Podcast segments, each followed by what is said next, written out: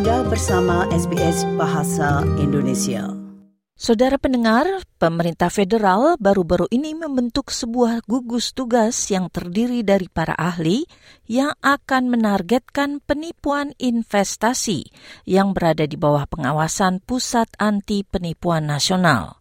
Pejabatnya mengungkapkan banyak warga Australia yang kehilangan jutaan dolar akibat penipuan investasi setiap tahunnya. Berikut ini laporan selengkapnya yang disusun oleh Mahnas Angguri uh, dan Syara Hain bagi SBS News. Pada tahun 2019, Sylvia Chow kehilangan lebih dari 2,6 juta dolar dalam sebuah penipuan investasi. Ia mengatakan dimulai dari kesepakatan investasi sebesar 250 dolar dengan cepat meningkat dalam waktu tiga bulan saja. They are very, very, very good. Trust me. They know how to pin your uh, weak point. My family fall apart because I'm a single mom.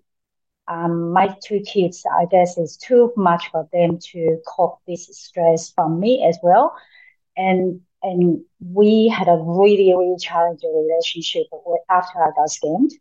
Meskipun Sylvia telah berpengalaman dalam investasi sebelumnya, kali ini ia jatuh ke dalam perangkap para penipu, mengakibatkan tekanan ekonomi tidak hanya pada keuangannya, namun juga kehidupan pribadinya.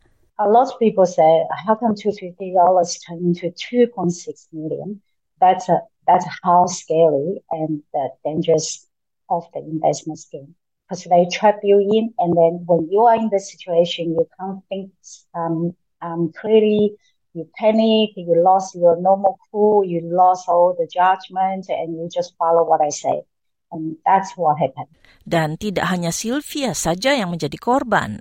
Banyak warga Australia yang kehilangan uang dari penipuan semacam ini setiap tahunnya.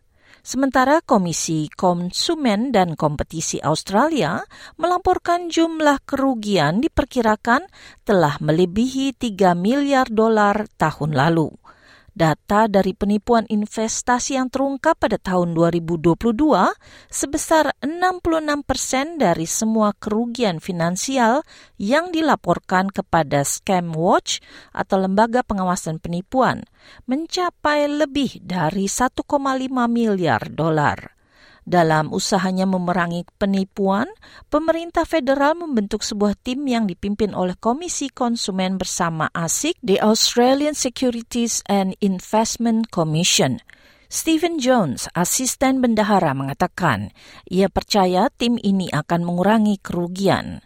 Together with expertise from industry, our banks, our telecommunications companies, our social media platforms, bringing strategies, tactics together to take the fight up to scammers. And we know that the scammers are nimble. So if we put in place a strategy to take them on and we're successful, that they'll move on to something else, which is why this has got to be a continual strategy, um, and we'll be setting these up over the course of the year to take the fight up to the scammers. Wakil Ketua Komisi Kompetisi dan Konsumen, Katrina Lowe, mengatakan para wakil dari berbagai industri dan pemerintah akan segera diundang untuk bergabung dalam gugus tugas ini. As scammers become increasingly sophisticated in their tactics, it's clear that a coordinated response is required across government, across regulators, law enforcement, and the private sector.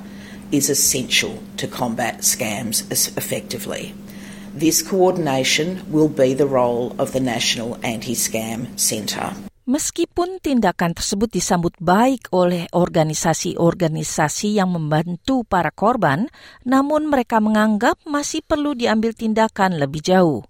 Roberta Grealis, seorang kepala pengacara dari pelayanan hukum kredit konsumen menekankan perlunya pengembangan tindakan pencegahan dan model ganti rugi yang diterapkan di Inggris bagi investasi bank. We need to improve detection and prevention measures. And I think a reimbursement model like they've implemented in the UK provides the incentive for banks to make this type of investment. Um, banks are critical in this. Their accounts and payment platforms are the conduits of the harm. In circumstances where consumers have very little choice but to transact on these platforms, then banks have a responsibility to make sure they're safe and robust.